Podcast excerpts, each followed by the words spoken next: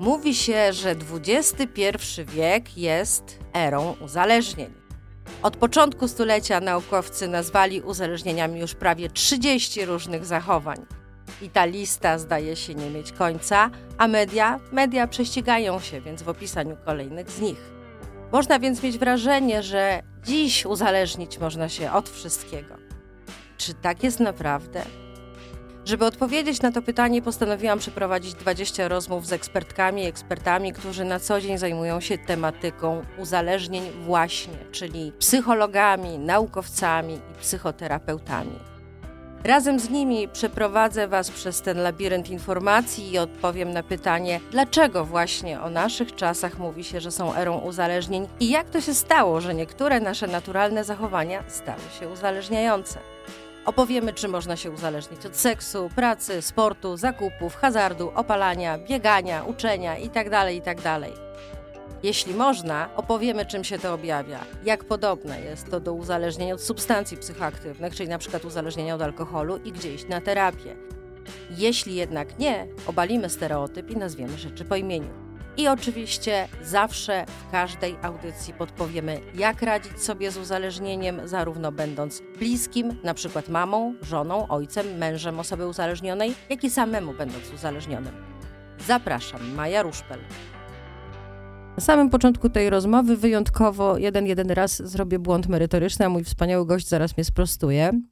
Dziś po pierwsze będziemy rozmawiali o temacie z jednej strony tabu, z drugiej strony temacie wzbudzającym ogromne emocje. Tematem będzie bowiem uzależnienie od seksu, proszę Państwa.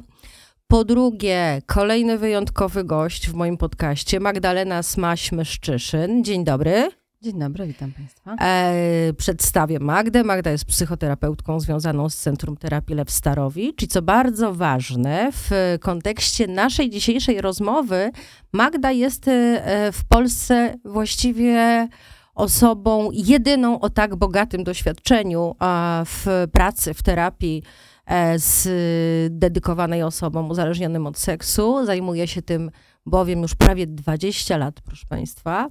E, Magda jest także badaczką tego tematu, jest seksuolożką i certyfikowaną specjalistką terapii uzależnień. No i e, pretekst do tej rozmowy e, bardzo aktualny, a mianowicie coś, co potocznie nazywamy uzależnieniem od seksu. Po raz pierwszy w historii świata zostało wpisane do klasyfikacji Światowej Organizacji Zdrowia, co oznacza, że osoby, które mają z e, tym, o czym będziemy rozmawiały, E, problem, mogą już e, e, otrzymać profesjonalną pomoc. Ja powiedziałam, że ja celowo robię błąd merytoryczny, dlatego że błędnie nazywam tak naprawdę ten problem, bo powiedziałam, że to jest uzależnienie od seksu, a fachowo e, to nabrało nazwy kompulsywne zachowania seksualne. Ja mam z tym problem, bo ludzie generalnie, jak mówimy seksoholizm, uzależnienie od seksu, to wiedzą o czym mówimy, a kompulsywne zachowania seksualne to jest nowa nazwa i myślę sobie, że e, długo by trzeba było tłumaczyć, co to tak naprawdę jest. Czy to jest straszny błąd? Wiesz, uzależnienie od seksu e, sugeruje nam, że podłożem tego zaburzenia jest uzależnienie, a my niestety, e, albo niestety nie mamy żadnych badań, które by potwierdzały, że faktycznie podłożem jest uzależnienie. Więc e, jeżeli my mówimy o uzależnieniu, to przychodzą nam od razu na myśl metody, pracy dedykowane dla osób uzależnionych, a niestety te metody pracy się nie sprawdzają w przypadku tej grupy pacjentów. Dlatego tak ważne jest, o. E, żeby tych, e, tych pojęć e, jednak używać prawidłowych, dlatego że jeżeli mówimy o uzależnieniu, to od razu nam się kojarzy specjalista psychoterapii uzależnień, a niestety większość specjalistów psychoterapii uzależnień nie posiada wiedzy, w zakresie prowadzenia pacjentów e, właśnie z kompulsywnymi zachowaniami seksualnymi, dlatego że do tego jest też potrzebna specjalistyczna wiedza seksuologiczna.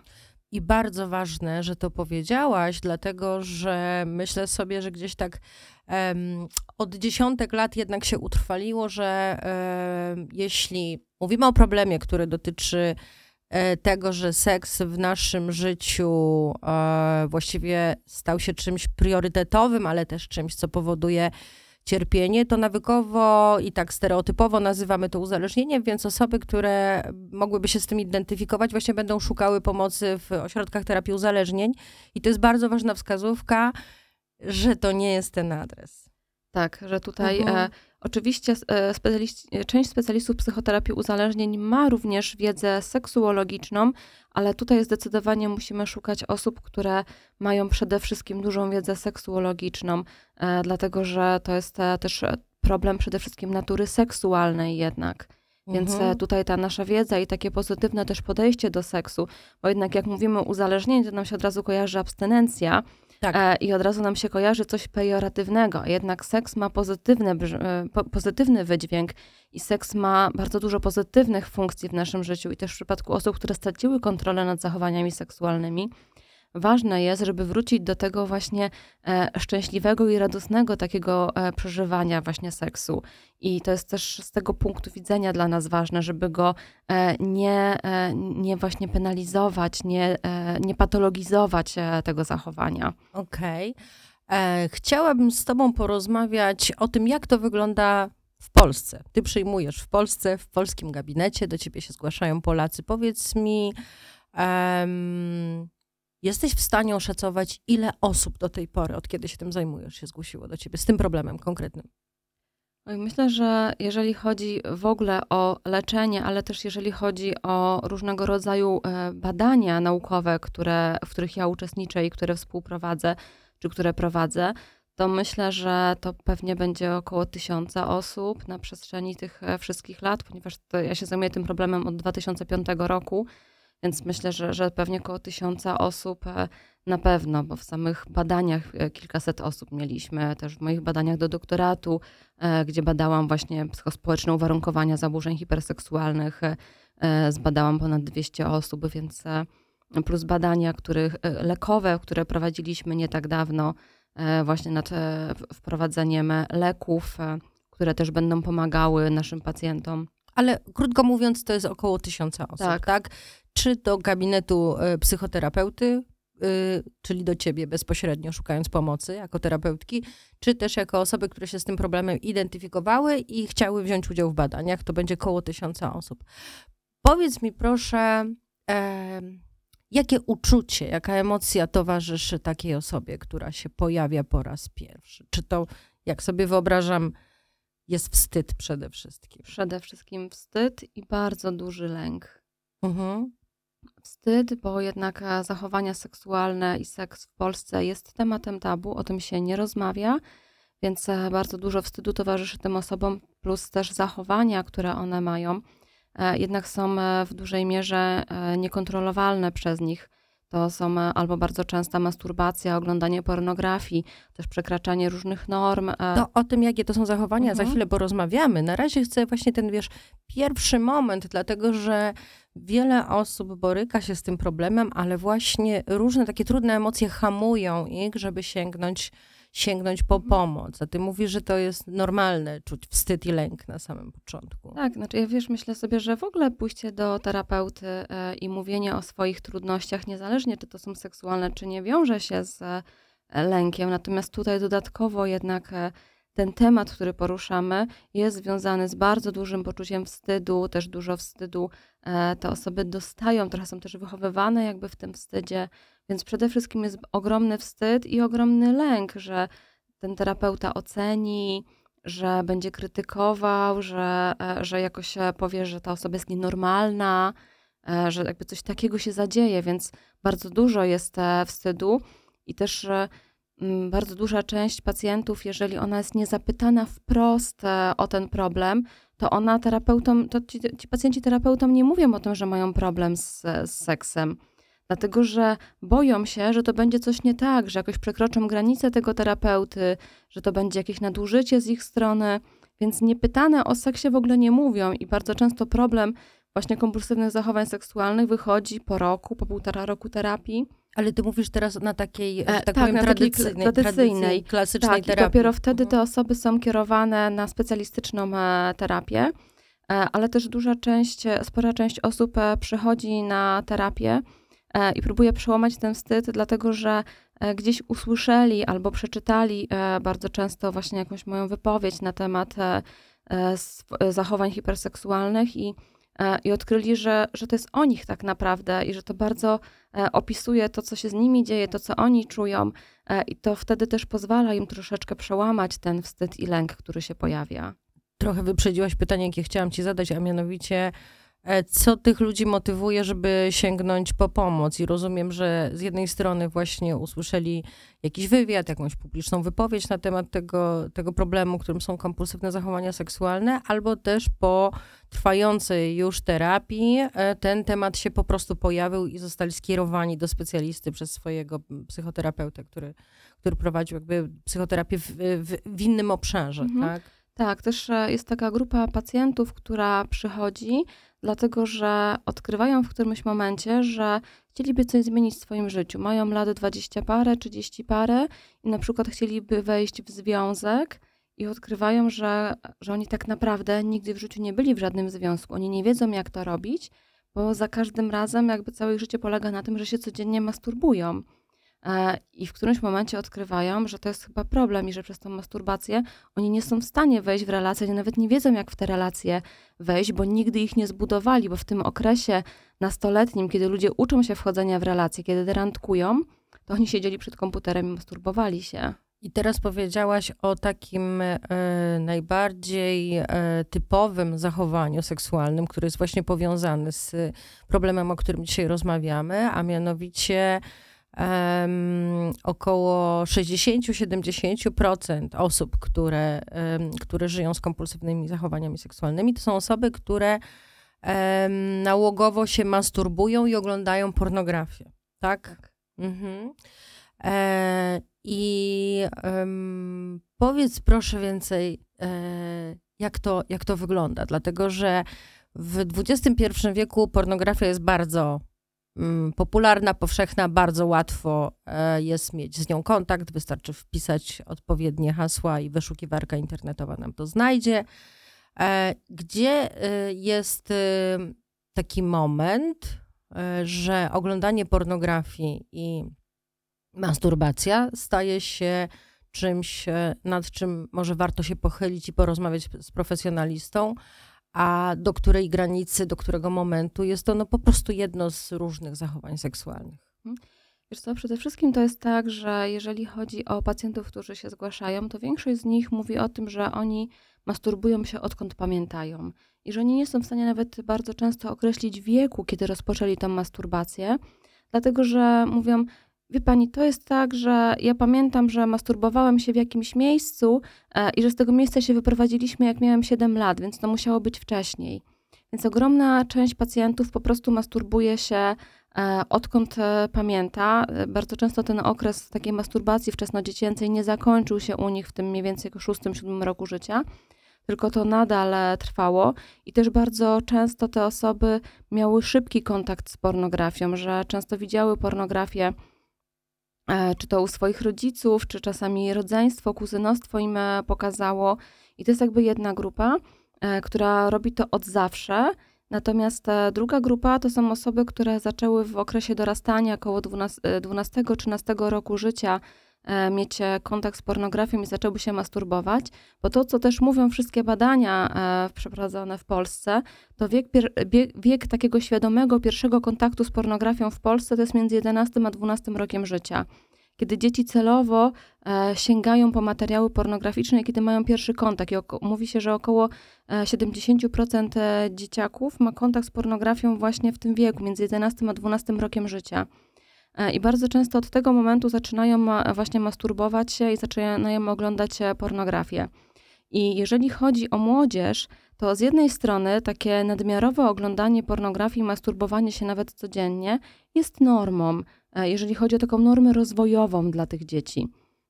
Natomiast problem zaczyna być wtedy, kiedy te osoby zaczynają tracić nad tym kontrolę, w takim sensie, że e, zaczynają e, mylić napięcie emocjonalne z napięciem seksualnym. I każdy jeden rodzaj napięcia, który się pojawia, na przykład stres, E, na przykład lęk, na przykład złość, e, ale też przyjemność, będą interpretowały jako podniecenie. Dlatego, że bardzo często to jest tak, że te takie dysforyczne stany emocjonalne, czyli takie mało nieprzyjemne stany emocjonalne, one bardzo często też kumulują się w obrębie właśnie miednicy mniejszej i dają takie uczucie właśnie e, łaskotania w przypadku e, dzieci, bądź jakiegoś takiego e, pobudzenia, kiedy te mięśnie właśnie się kurczą.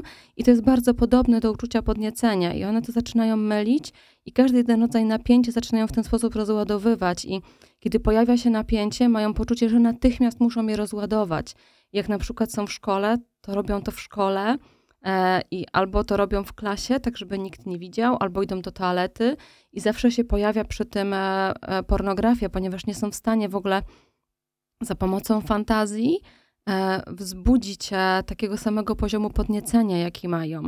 No, mówimy o mhm. dzieciach, więc to jest pytanie, czy, czy, to, czy, czy fantazje w wieku dziecięcym seksualne to jest, to jest typowe rozwojowo?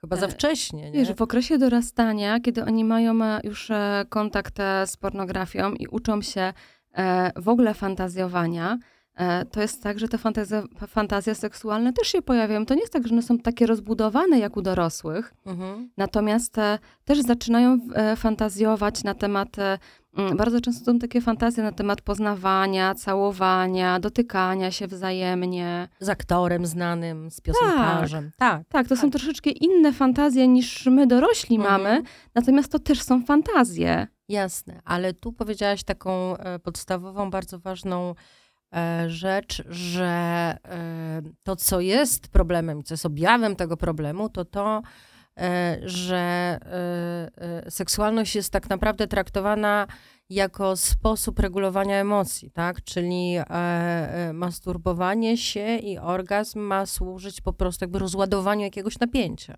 E, wiesz, to nawet nie orgazm, tylko sama masturbacja służy, dlatego że mhm. to, co jest charakterystyczne w przypadku osób, które straciły kontrolę nad zachowaniami seksualnymi, to to, że największą przyjemność one odczuwają wtedy, kiedy tę czynność wykonują, czyli wtedy, kiedy się masturbują. A orgazm sam w sobie, on traci bardzo na przyjemności, a czasami w ogóle nie jest przyjemny, dlatego że orgazm kończy aktywność seksualną, orgazm mhm. kończy przyjemność, mhm. bo jest tym momentem, w którym trzeba zrobić sobie przerwę. Okej. Okay. Mówisz, że to u wielu osób zaczyna się jeszcze e, w dzieciństwie i potem jak w dorosłym życiu, jaką to formę przybiera? Czy, czy to jest tak, że mm, taki człowiek dwudziestoparoletni e, jednak głównie e, jego życie seksualne polega nadal na oglądaniu pornografii i masturbacji? To jest jakby ta wiodąca czynność? Tak, przede wszystkim to jest tak, że oglądają pornografię, masturbują się i bardzo często to jest tak, że to pojawia się codziennie, że one poświęcają na to kilka godzin, czasami nawet w ciągu e, dnia, albo robią to kilka razy dziennie, trzy, cztery, pięć razy dziennie. Czasami to jest masturbacja, która trwa dwie, trzy, cztery godziny, pięć godzin. E, bardzo często e, te osoby idą na studia, czy są na, na studiach, potem idą do pracy, wracają do domu jedzą obiad, idą na siłownię, potem mm, tak, e, albo po prostu wracają i, e, i zaczyna, siadają przed komputerem i włączają filmy, jeden, drugi, piąty, pięćdziesiąty, bo to jest tak, że oni mają otwartych po kilkadziesiąt różnych okienek z różnymi filmami i cały czas się stymulują, cały czas się masturbują i jak już czują, że za chwilę ma dojść do wytrysku, no to na chwilę robią e, przerwę, zajmą się czymś innym, pójdą sobie zrobić coś do picia, E, tak? I za chwilę z powrotem wracają do tej stymulacji. E, I nawet jak sobie obiecują, że ok, dzisiaj położę się spać, bo nie mogę codziennie kłaść się o trzeciej w nocy, bo w końcu jestem zmęczony na drugi dzień rano, e, no to tak, to pomimo tego, że sobie to obiecają, obiecują, to i tak nie są w stanie jakby tego zrealizować, bo jak siądą przed tym komputerem i włączą pornografię, to oglądają jakby cały czas, stymulują się i to daje im to uczucie ulgi, takie uczucie E, właśnie spokoju, zapomnienia, takiego odcięcia się od tych wszystkich e, e, problemów. Jeszcze to, to, to jakby też na co chciałam zwrócić uwagę, to ja mówię o mężczyznach, dlatego że 90% osób, z którymi my pracujemy, mamy do czynienia, to są mężczyźni. Mhm.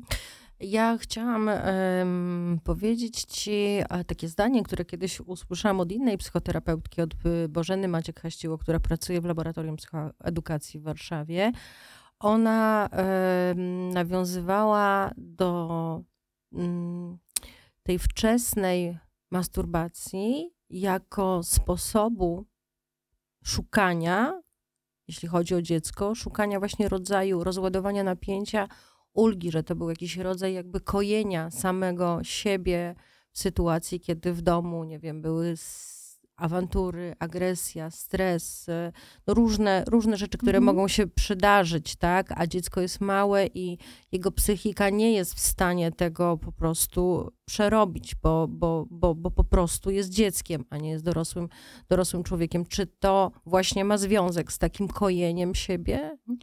Jak najbardziej, tylko żeby jeszcze tutaj. E wytłumaczyć tą pierwszą część, bo generalnie masturbacja wczesnodziecięca wynika z ciekawości i jest mhm. naturalnym zachowaniem rozwojowym.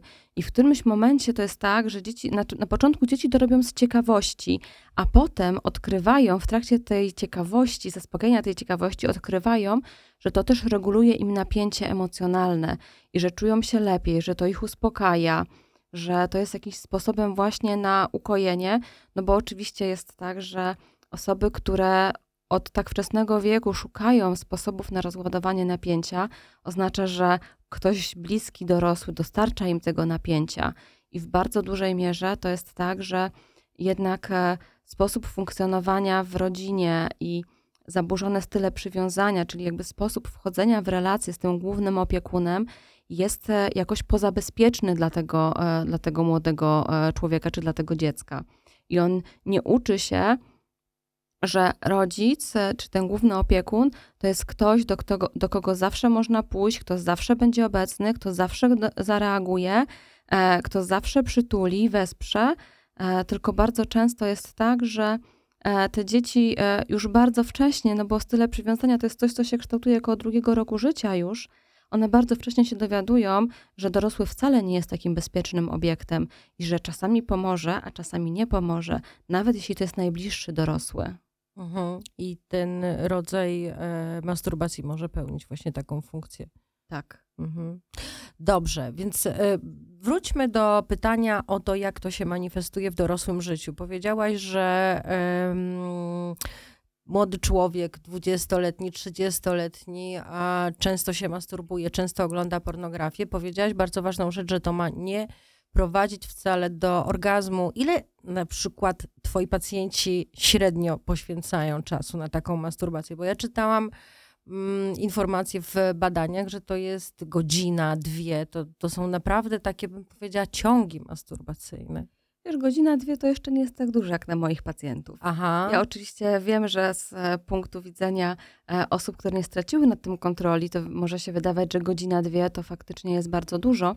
Natomiast e, tak, większość pacjentów to jest e, godzina, dwie, ale nawet mam pacjentów, u których ta masturbacja trwa do 8 godzin, więc e, to, to jest często bardzo, bardzo długi okres takiego właśnie, takiego ciągu i ciągłej masturbacji. Czasami to jest jeszcze kilka razy dziennie, więc oni bardzo dużo czasu na to poświęcają do tego stopnia, że to gdzieś się dezorganizuje jednak w jakiś sposób e, ich życie. Mhm. A wytłumaczmy teraz osobom, które nie znają tego doświadczenia, a dlaczego to jest problem? Bo przecież tak obiegowo to seks nam się kojarzy z czymś bardzo, bardzo przyjemnym. Jest, y, jak sobie popatrzyłam, w internecie jest mnóstwo takich prześmiewających tak naprawdę ten problem e, memów, e, dowcipów.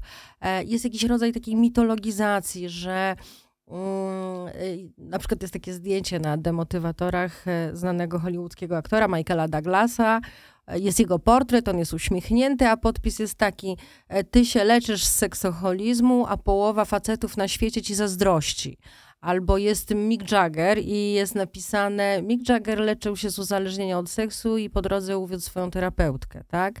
Sama słyszałam na jednej z uczelni wyższych, jak jeden z profesorów powiedział, że chciałby mieć żonę uzależnioną od seksu, czyli e, w tej e, wyobraźni takiej zbiorowej, no to to wiesz, to jest wręcz coś, co mogłoby być właśnie pożądane, tak? Kojarzy się z jakimś takim bardzo intensywnym, rozbudowanym, e, e, wielobarwnym, bardzo atrakcyjnym, tak? E, bardzo intensywnym życiem seksualnym, a tu się okazuje, że to może być problemem. Wiesz, no, tak naprawdę to, to raczej wygląda tak, że e, po pierwsze to są osoby, które tylko i wyłącznie bardzo często siedzą przed komputerem czy przed telefonem, przed tabletem, oglądają pornografię, się masturbują. One też cierpią z tego powodu. Bardzo często to jest tak, że E, takie nieprzyjemne stany emocjonalne są tym, co wyzwala e, to, tą masturbację. One na chwilę zapominają w trakcie e, tej czynności godzinę, dwie, trzy. Jak tylko skończą się masturbować, znowu przychodzą wszystkie negatywne emocje, poczucie winy, czasami wyrzuty sumienia, takie poczucie, że się złamało słowo dane sobie, więc bardzo dużo negatywnych odczuć się wtedy pojawia. Poza tym te osoby nie są w stanie zbudować takiej trwałej relacji z drugą osobą, a bardzo często im zależy na, takim, na takiej bliskości, intymności, miłości. One nie są w stanie tego zrobić. E, też e, bardzo często w przypadku kontaktu, jeżeli ktoś tak e, intensywnie się masturbuje przez wiele lat, pojawiają się uwarunkowania masturbacyjne. I te osoby w trakcie kontaktu seksualnego z partnerem czy z partnerką nie są w stanie osiągnąć wzwodu w tym momencie. E, bardzo często to jest tak, że ten seks e, ich e, nie podnieca, dlatego że jednak seks z drugą osobą nie wygląda tak jak pornografia. Poza tym to jest tak, że by oni osiągnęli ten stopień podniecenia, który spowoduje już w, w efekcie wytrysk i orgazm, to jest tak, że trzeba obejrzeć ileś naście, dziesiąt różnych filmów i też tak naprawdę bardzo często, no, gdybyśmy oglądali filmy pornograficzne i one nie służyły budowaniu e, napięcia seksualnego i nie służyły rozładowaniu napięcia seksualnego, to tak naprawdę jaka jest ich e, treść, jaka jest ich fabuła? To jest naprawdę tak, tak naprawdę jedno i to samo, tak? W każdym filmie możemy zrobić sekwencję po sekwencji. Każdym filmie ona będzie taka sama. Minimalnie się może będzie różnić aktor, aktorka albo kilku aktorów, ale tak naprawdę to będzie to samo. Więc e, paradoksalnie, gdyby e, pornografia nie służyła rozładowaniu napięcia seksualnego, to te filmy są nudne. Tak? No, umówmy się, kto ogląda pornografię po tym, jak osiągnie orgazm? Ja e, też e, znam takie badania, które mówią o tym, e, jak Polacy korzystają z pornografii, tej internetowej, i wiem, że no jesteśmy gdzieś tam w, średniej, że tak powiem, światowej. Natomiast to, co jest takie symptomatyczne, to właśnie godzina, godzina wieczorna, a oglądanie trwa około 8 minut, także to wiadomo, wiadomo czemu, to, czemu to służy. Dobrze. Powiedziałyśmy e, dużo, myślę sobie, takich trudnych e, informacji, więc chciałabym przejść do hmm, po pierwsze nadziei, to znaczy, że mówisz, ci ludzie nie umieją budować bliskiej relacji, tak? Ten seks jest jakimś rodzajem tak naprawdę narzędzia do rozładowywania e, napięcia. Gdzieś w dzieciństwie to zaburzenie mm, związane z budowaniem relacji zostało zaburzone, prawda? No ale każdy, myślę, chce miłości, chce bliskości. I co teraz? Przychodzi na terapię, jest pewnie sfrustrowany, zawstydzony, przestraszony. Jest jakaś nadzieja? E, to, to tylko e, pewien mit sprostuje. Nie każdy chce bliskości e, i nie każdy chce miłości, bo żebyśmy wiedziały, że jakby to jest e, okej, okay, że są tacy ludzie, którzy tego nie pragną, nie chcą i że oni też są zdrowi. Tak, jak, jak ja to mówiłam, to się tak za, za, zawahałam w głowie, zanim, zanim to powiedziałam. Tak, tak, rozumiem. Tak, więc jakby to, to, to tylko chciałam podkreślić. Natomiast te, mm, z reguły e, większość pacjentów, która kończy terapię, E, kończy tą e, terapię w e, takim momencie, kiedy już właśnie jest w, zaawansowanym, w zaawansowanej jakiejś relacji. Dlatego, że my tak naprawdę w terapii szukamy, co jest źródłem tego lęku, uczymy takich konstruktywnych sposobów radzenia sobie z tym lękiem, ale też uczymy takich umiejętności psychospołecznych i bardzo często to jest tak, że relacja terapeutyczna, którą my budujemy z pacjentem, to jest pierwsza taka bliska relacja, w której pacjent wchodzi, otwiera się e, i jednocześnie dostaje takie poczucie, możesz mówić o trudnych rzeczach, możesz się otworzyć, jakby ja tego nie wykorzystam przeciwko tobie. Bo te osoby mają takie doświadczenie, że jak się otworzą, jak powiedzą coś o sobie, to to w najbliższej sytuacji zostanie wykorzystane przeciwko nim. A w terapii jakby doświadczają tego, że można zbudować bliską relację i uczą się tej bliskości, e, intymności i bliskiej relacji w relacji z terapeutą. I potem na kanwie tej relacji terapeutycznej uczą się budować relacje z innymi ludźmi. Bo my też w ramach takiego treningu, tak, w terapii, pacjenci zaczynają się spotykać z, z różnymi osobami, zaczynają budować tą relację. Też pracujemy wtedy nad lękiem, który się pojawia, nad lękiem przed odrzuceniem, przed tym, co się takiego zadzieje, ale bardzo często też rozwiązanie tych sytuacji właśnie trudnych z ich e, dzieciństwa sprawia, że one są w stanie zacząć e, ufać ludziom e, i że oni są w stanie zacząć budować właśnie takie, taką prawidłową relację, bo w końcu jest ktoś, kto jest bezpieczny dla nich. Mhm, tu mówisz o sferze takiej psychologicznej, a co z tą seksualnością? Czy to jest tak, że e, zalecane jest, żeby, y, żeby pacjent nie oglądał pornografii? To znaczy, e, tak, pierwszą rzeczą, którą zawsze w takiej sytuacji robimy, to jest rozdzielenie masturbacji od pornografii. Mhm. Masturbacja jest naturalną czynnością, która jest nam potrzebna, ponieważ e, napięcie seksualne jest biologiczne. To jest fizjologiczna potrzeba, która, e, która powinna zostać rozładowywana. Natomiast pornografia nie jest nam do tego potrzebna. W związku z tym zaczynamy od takiego momentu, w którym rozdzielamy pornografię od masturbacji I pierwsze zalecenie jest takie, żeby pacjent masturbował się e, nadal w ten sam sposób, jeszcze na początku, ale żeby masturbował się z użyciem fantazji. No i tu się pojawia pierwszy problem. Dlatego, że jeżeli ktoś od 20 lat 30, od lat 18 ogląda pornografię, e, to z reguły te osoby nie potrafią fantazjować, więc one się dopiero muszą nauczyć od nowa fantazjować. Bardzo często zaczynają od odtwarzania w głowie scen z filmów, które, które do tej pory oglądali ale też fantazje nie są tak dynamiczne jak filmy. Nie otworzy się 50 okienek w fantazjach. Jest jedna i ona trwa. Trzeba włożyć e, w to energię.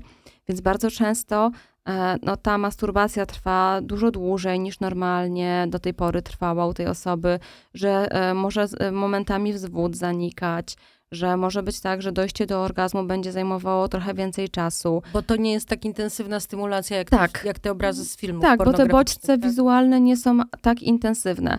No i e, w miarę upływu czasu osoba uczy się właśnie masturbowania przy e, użyciu swoich fantazji i potem też zawiązujemy kontrakt na masturbację. Czyli umawiamy się, w jakich okolicznościach ta masturbacja jest ok, a kiedy ona nie jest ok, kiedy jest takim zachowaniem, które nie służy pacjentowi. I umawiamy się przede wszystkim na to, że e, osoba oczywiście masturbuje się bez pornografii, że masturbuje się wtedy, kiedy jest w dobrym stanie emocjonalnym, e, żeby to nie był sposób dalej na rozładowanie tego napięcia e, emocjonalnego, tak? Bo my w międzyczasie wprowadzamy techniki radzenia sobie z napięciem emocjonalnym w terapii. Więc masturbuje się wtedy, kiedy jest w dobrym stanie emocjonalnym, w takim pozytywnym stanie emocjonalnym masturbuje się, w, e, tak, umawiamy się zazwyczaj na czas, że to jest do 30 minut e, w ciągu takiej jednej masturbacji, że to jest masturbacja 3 cztery razy w tygodniu. E, też umawiamy się na to, że to jest masturbacja w takich sprzyjających warunkach dla tego pacjenta. W takim sensie, żeby to nie była toaleta albo jakieś takie nieprzyjemne miejsce, żeby on zadbał o siebie, żeby ta masturbacja E, i, i to rozładowanie seksualne, żeby kojarzyło się jemu z czymś przyjemnym. Nie z ulgą od cierpienia, tylko z doznawaniem przyjemności. Żeby on miał jakieś wygodne miejsce, żeby to było, żeby nikt nie wchodził w tym czasie, żeby on jakoś nie musiał być napięty, że zaraz coś się zadzieje, nie wiem, ktoś drzwi otworzy. Mhm. A co z relacją z drugim człowiekiem? Bo rozmawiamy tutaj na razie o tym, żeby E, ta masturbacja nie miała tego zaburzonego e, charakteru, tak, e, tylko była czymś, co no, jest, no właśnie jak to nazwać? zdrową masturbacją. Zdrową, tak, tak, jest zdrowym sposobem rozładowania napięcia, bo to jest jeden z wielu sposobów rozładowania napięcia seksualnego po prostu. Mhm. I żeby ona miała charakter zdrowy. I w momencie, kiedy, ta, e, kiedy osoba nauczy się po pierwsze w zdrowy sposób e, rozładowywać napięcie emocjonalne, ale też nauczy się e, to napięcie seksualne rozładowywać i zmniejszymy trochę ten poziom lęku, który jest, bo tam jest bardzo duży lęk przed bliskością, to dopiero wtedy zaczynamy budować takie mm, podstawy do tworzenia relacji trochę do tego, jak wygląda relacja, co się dzieje. Bardzo często pacjenci przychodzą i na przykład e, mówią, że założyli sobie konto na Tinderze i że poznali kogoś.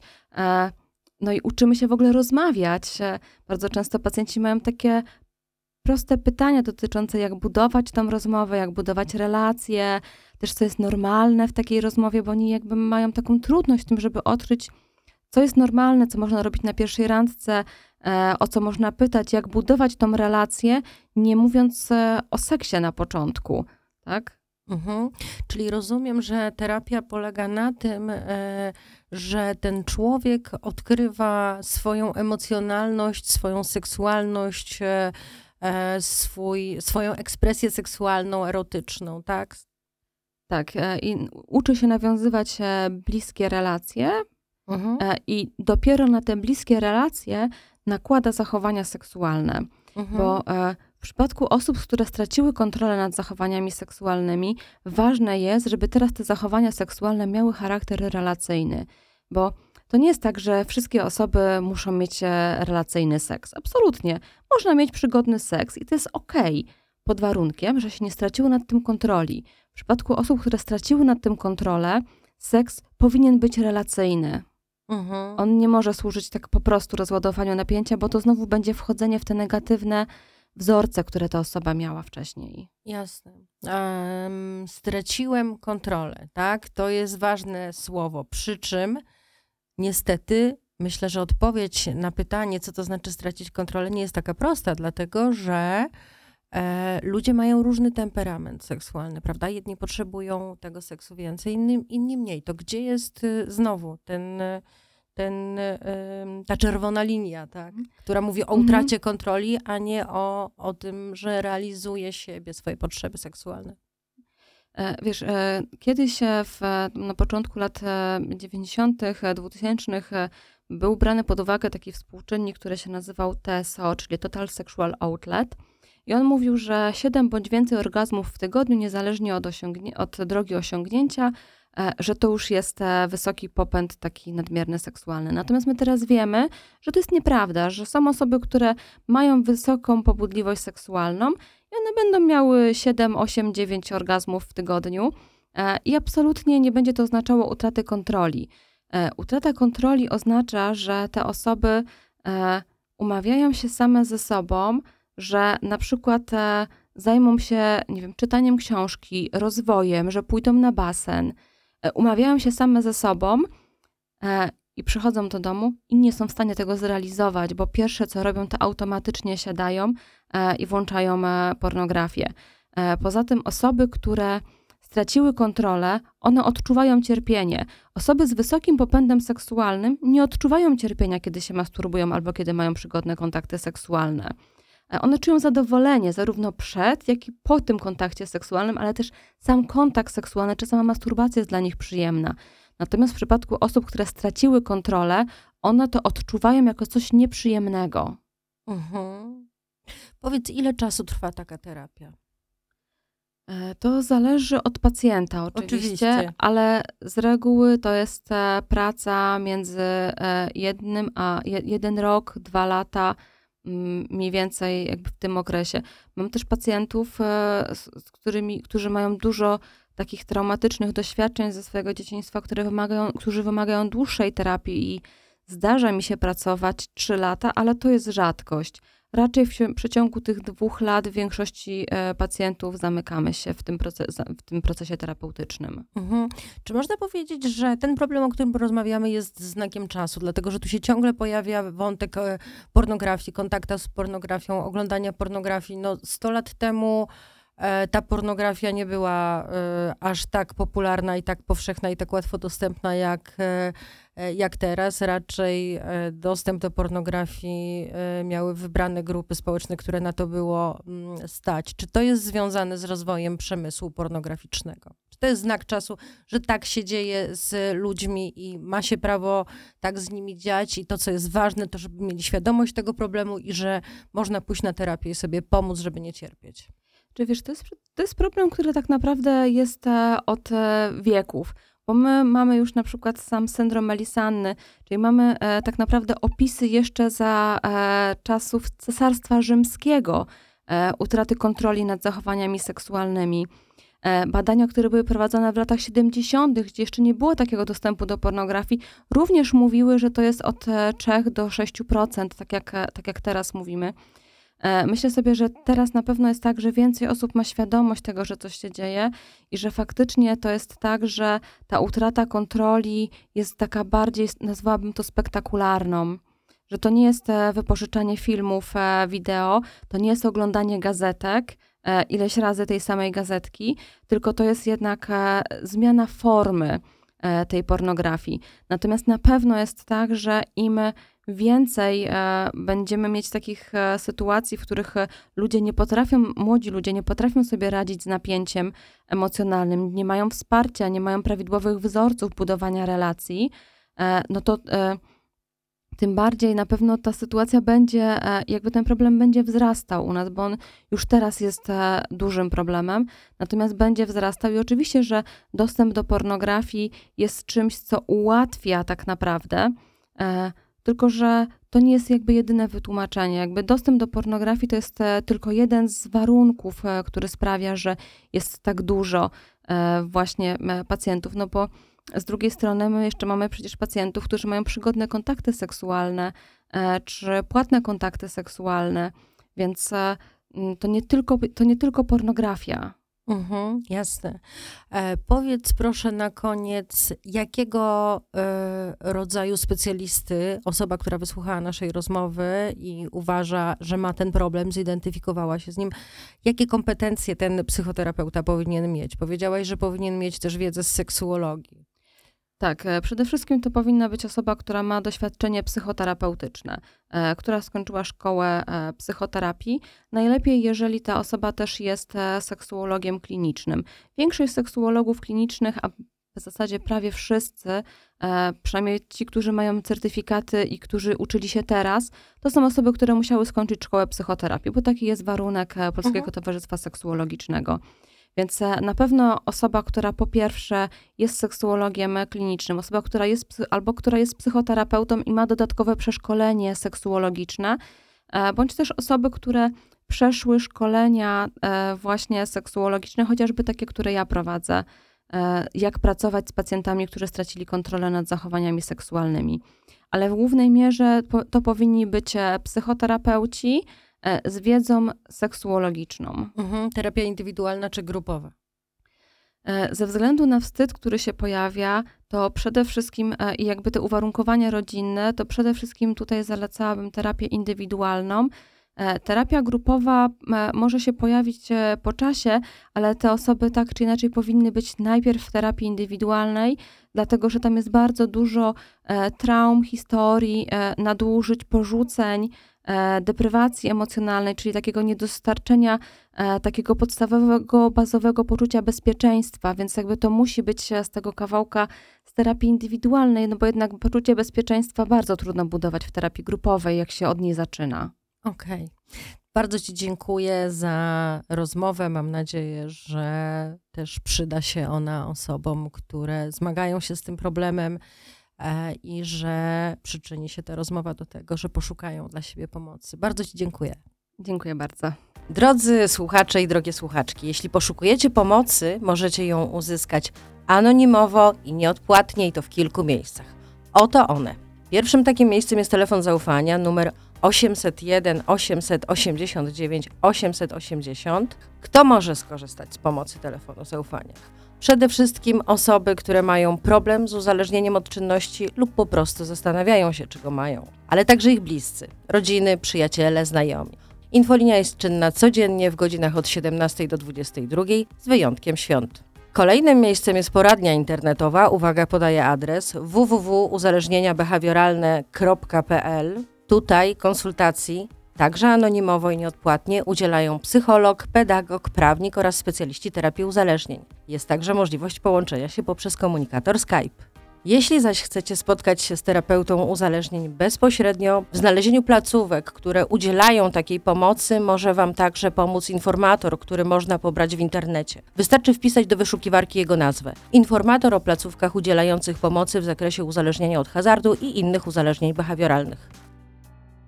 Projekt jest finansowany ze środków Funduszu Rozwiązywania Problemów Hazardowych, będących w dyspozycji Ministra Zdrowia w ramach konkursu przeprowadzonego przez Krajowe Biuro do Spraw Przeciwdziałania Narkomanii.